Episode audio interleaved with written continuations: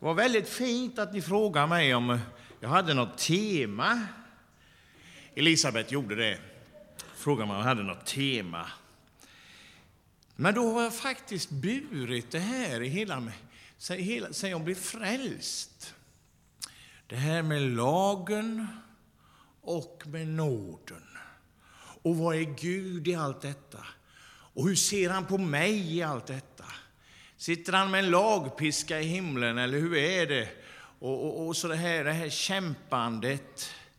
Och, och, och, svårt hade jag med att identifiera mig riktigt inför honom. Vem är jag egentligen? Och duger jag? Och så vidare. Och jag tror att det är rätt så allmänna frågor, om man nu får säga så, som vi brottas med allesammans. Duger jag inför Gud? Tycker han om mig? Vill han vara snäll emot mig eller vill han ta fram hårdhandskarna? Va? Och, eh, jag tyckte det var så fint inledningsordet. Jag tror jag ska läsa det som avslutning här sen. All trösts Gud, barmhärtighetens fader, himlaljusens fader, våran far, Gud, den allsmäktige. Va? Helig är han. Men för mig har han blivit, jag säger aldrig det, eh, jag är inte där än. Jag bär på för mycket skuld och eh, ibland får jag ångest och, och, och, det är liksom någon, och då vet jag vem det är som är fadern. Det är inte Gud. Det kommer inte hemifrån. Det kommer från en annan källa. Det är åklagaren som vill tala om för dig genom lagen, genom Guds ord, att du duger inte. Därför så räknar han allt sammans under synd så småningom. Så tog han bort lagen men den kommer alltid att bestå. Den är helig och god, inte en prick kommer att förgås på det sättet. Men han har gjort ett nytt förbund, det vet vi ju. Och han har satt in Jesus. Och Jesus, han blev lagens ände. Han är lagens mening. Han kom för att visa oss vem Gud är i sitt väsen, i sin karaktär. Är han kärlek? Han är bara kärlek. I honom finns inget mörker. Hos honom finns ingen ond tanke om någon människa. Vi kan göra onda gärningar. Människan kan förgå sig. Men Gud vet att i begynnelsen blev människan förförd. Och det räknade han med redan innan världens grund var lagd. Så var vi alla inneslutna och tänkta i Jesus Kristus. Han skulle bli vår räddning, och det är han. Halleluja, ja. Tack och lov. Barmhärtighetens faders son steg ner för att visa oss vem han är. Och nu ska jag läsa något litet bibelord här då. Ska vi se. Jag ska läsa ett känt bibelrum. Eh, och det handlar om, eh, jag utgår därifrån, om äktenskapsbryterskan, vet ni. Och det står i Johannes 8. Ja, då läser jag några rader här, några versar, i Jesu namn. Eh, jag Ja, vi kan ju berätta istället. Fariseerna och de skriftlärda de hade kommit på en kvinna och en man. Men det står bara om kvinnan. Eh, att hon, de, ja, de, eh, hon begick äktenskapsbrott. Och då, så går, då tar de med sig denna kvinna och leder henne till Jesus. För de ville sätta dit Jesus. Kvinnan använder man som en trasa i sammanhanget. Hon hade inget värde, denna synderskan. Hon blev tagen på bar gärning. Och så för de henne till Jesus och så säger de Mästare, den här kvinnan togs på bar gärning när hon begick äktenskapsbrott. De stod inte ens för det, att det var de själva som tog henne. Eh, I lagen föreskriver Moses att sådana kvinnor, sådana kvinnor, de ska man stena alltså. Det var tuffa tag, för det har Moses skrivit i lagen. Jag stannar där. Du säger ju Jesus att du är Guds son. Och nu har din far då skrivit en lag och gett den till Mose och där står det att sådana kvinnor skall stenas. Vad säger du nu? Ska du gå emot din egen far Jesus? Egentligen hade de målat in honom rent mänskligt alltså, i ett hörn som var omöjligt att komma ut ur egentligen. Ska du gå emot Gud, din far, som du säger att du, att du, du är son till? Han, liksom, han reagerar inte först, va? men de står på sig. Det står i lagen att sådana ska stenas. Vad säger du nu då? Då reser han sig upp, står det i den. Jag läser 1917 års översättning, men jag fick inte med mig den av olika anledningar. Men då reser han sig upp. Och så säger han, jag kan ju läsa vad som står här. Eh, när de envisades med frågan så såg han upp, eh, såg han upp och sade, står det här, den av er som är fri från synd skall kasta första stenen på henne. Här står det skall kasta första stenen på henne. Eh, det står inte i den andra bibeln. Och det kunde de ju inte, det vet vi ju. Ingen av dem kunde ju kasta sten, börja kasta sten denna morgon på denna synderska. Nej. Utan de stod där med sina hemliga synder allihop. Allesammans. Och kvinnans synd var bekänd. Den var till och med torgförd, va? mer eller mindre. Sånt sysslar inte vi med, älskade vänner. Vi torgför inte varandras svagheter, brister, utan vi älskar och överskyler desto mer. Va? De kunde inte kasta sten.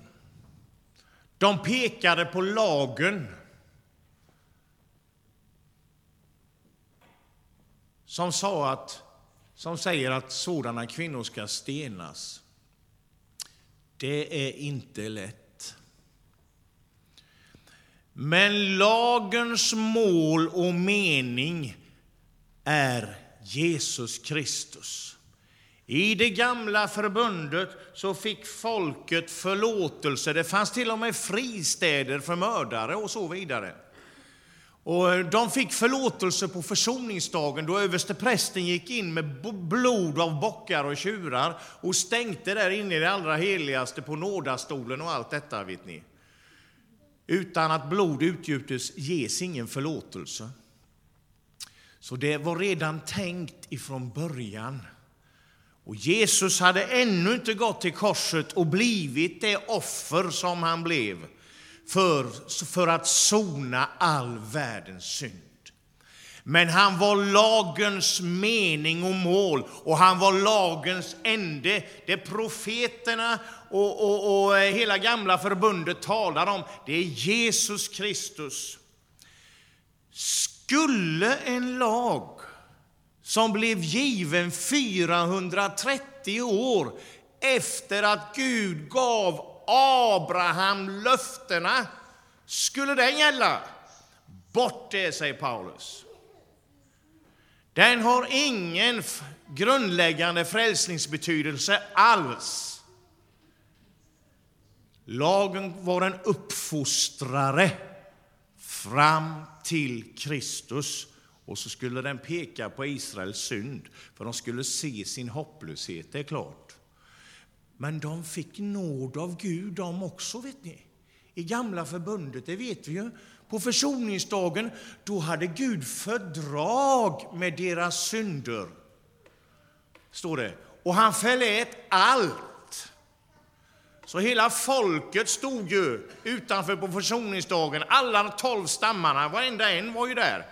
Och, och, och, så gick överste prästen in med klockorna där så de hörde att han levde och, och så utförde han denna försoningsgärning. Och så förlät Gud. Så kunde han, som man säger i Svenska kyrkan, i, min tjänst, på min tjänst vägnar, va, så, så, så, så tillsäger jag er, ger jag er syndernas förlåtelse, hur de nu formulerar sig. Jag tycker det är ganska vackert faktiskt. Så som Gud har förlåtit oss skall vi förlåta varandra och ge varandra förlåtelse. Och hur har han förlåtit oss? Ja, kom du ihåg den här gången när Petrus eh, Jesus, hur många gånger ska jag förlåta min broder? Är det sju gånger om dagen eller var det sju gånger i veckan? Det är egentligen oväsentligt. Sju gånger 70 sa Jesus. Alltid! Alltid! Skall vi förlåta varandra. Fast det finns en liten poäng.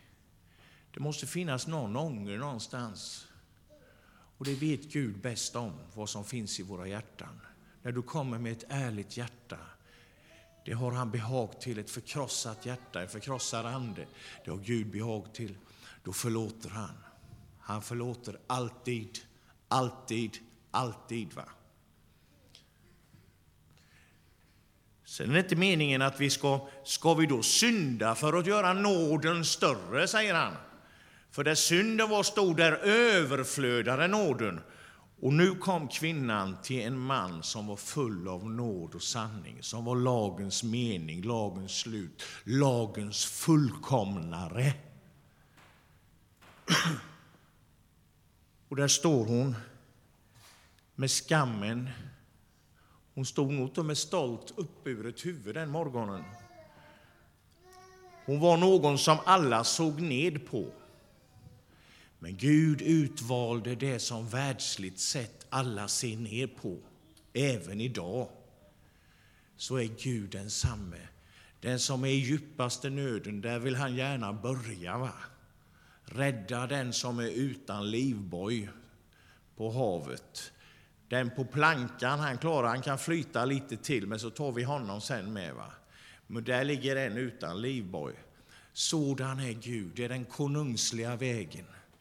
Börja med dem som har det svårast. Därför har vi skickat så många missionärer till fattiga folk, till, krig, till stammar som krigar och de dödade missionärerna och så vidare.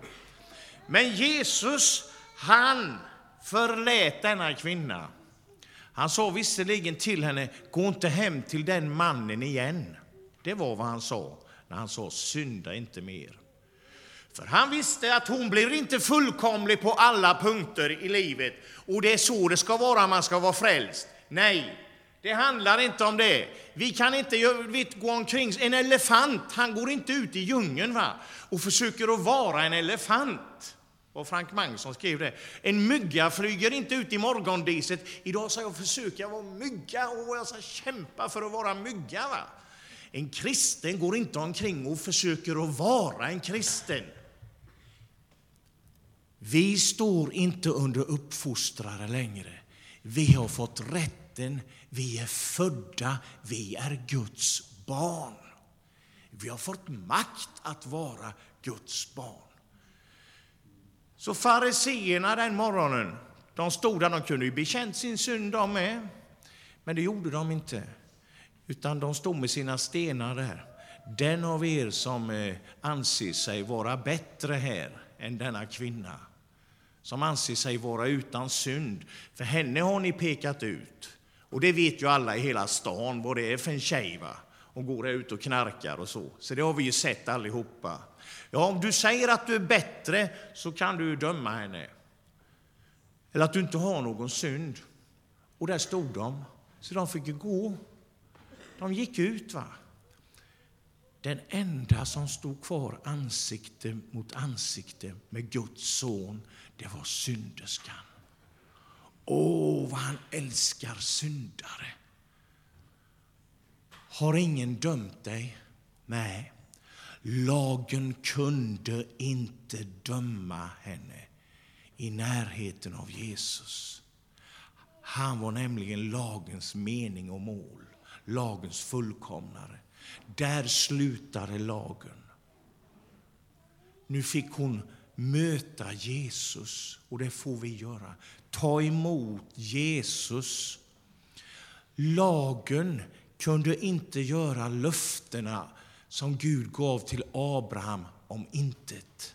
Nej, utan det var dem Jesus kom för och sa, och sa sitt ja och amen till. Det var löftena till Abraham.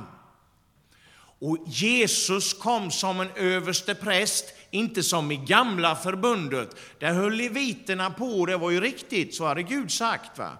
Och offrade. Det var centrum i hela kulten, offrandet alltså. Då kommer Jesus enligt Melkisedes sätt, och det hinner vi inte gå in på.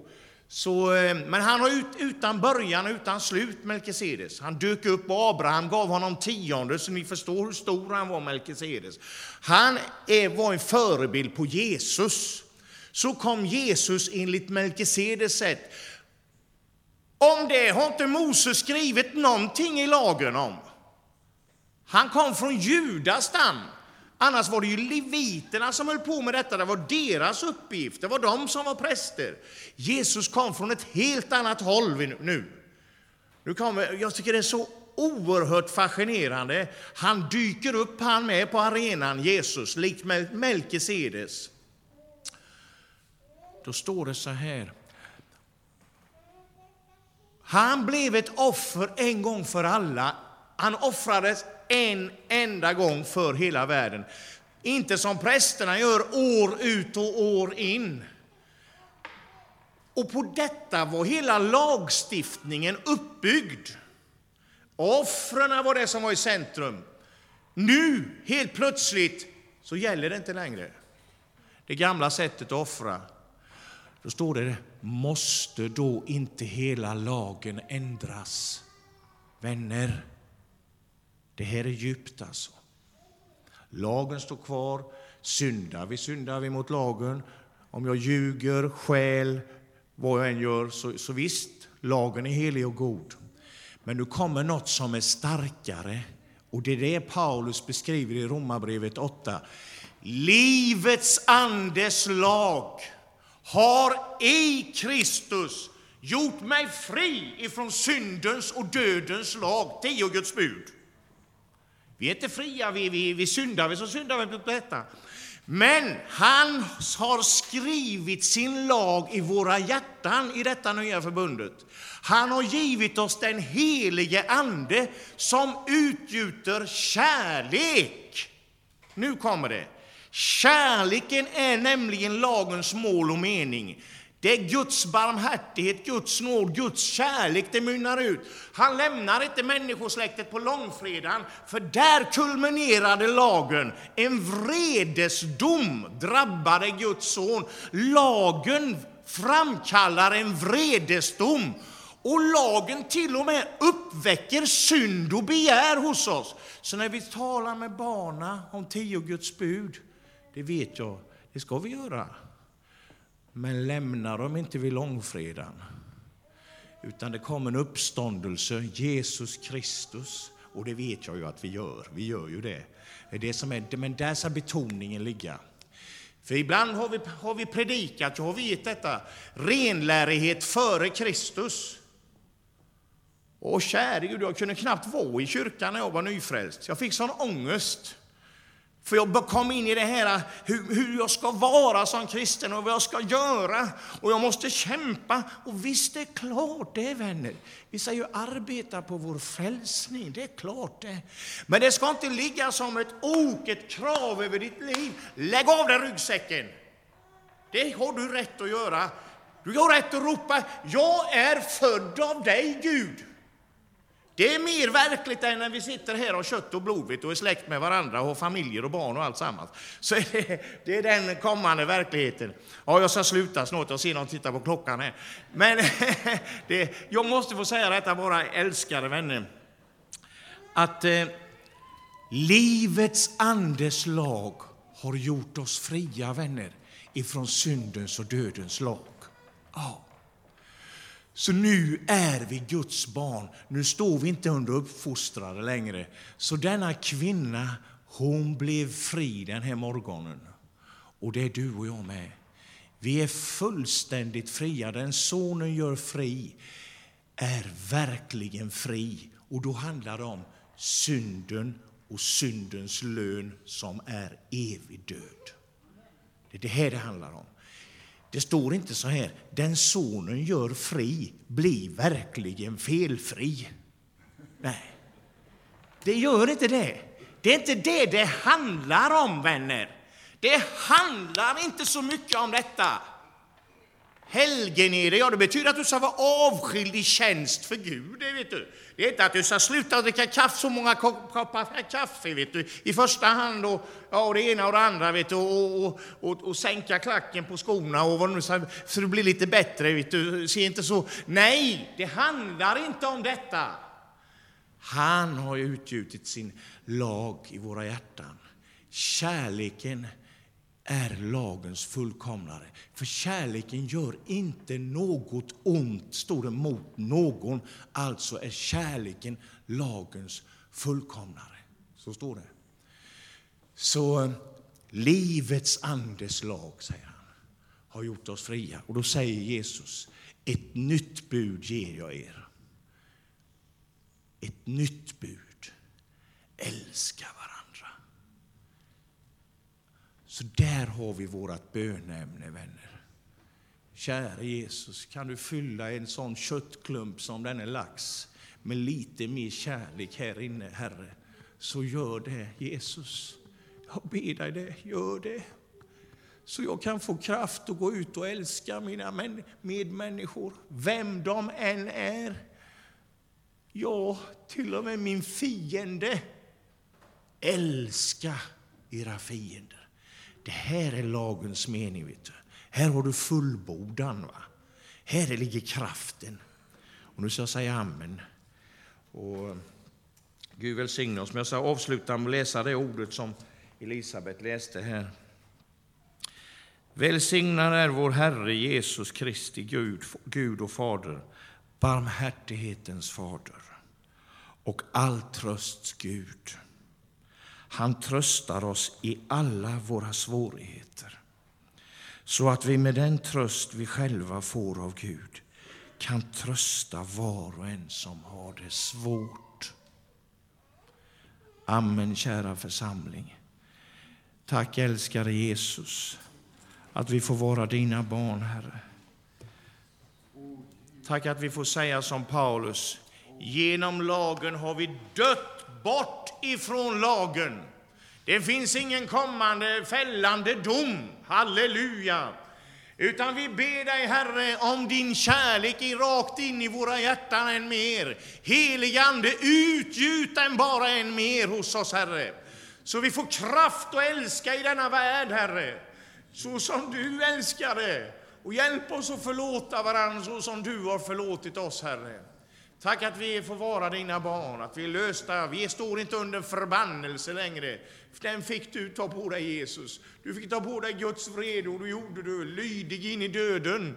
Så du har befriat oss ifrån allt lagväsende, allt lagtänkande, att vi behöver inte vara så fina i kanten, någon enda en av oss. Vi får vara dina barn som en familj, Herre, och vara så älskade av dig, Herre. Vi tackar dig för det. I Jesu namn. Välsigna församlingen här. Du ser hur de kämpar här, Herre. Och du ser hur mycket det finns att göra och du vet om allt. Gör det inte till bördor, Herre, över dem, utan befria oss, Herre. Låt oss känna bara att vi, där vi är, där är du, Herre. Och att vi går dina färdiglagda gärningar, Herre. I Jesu namn. Amen.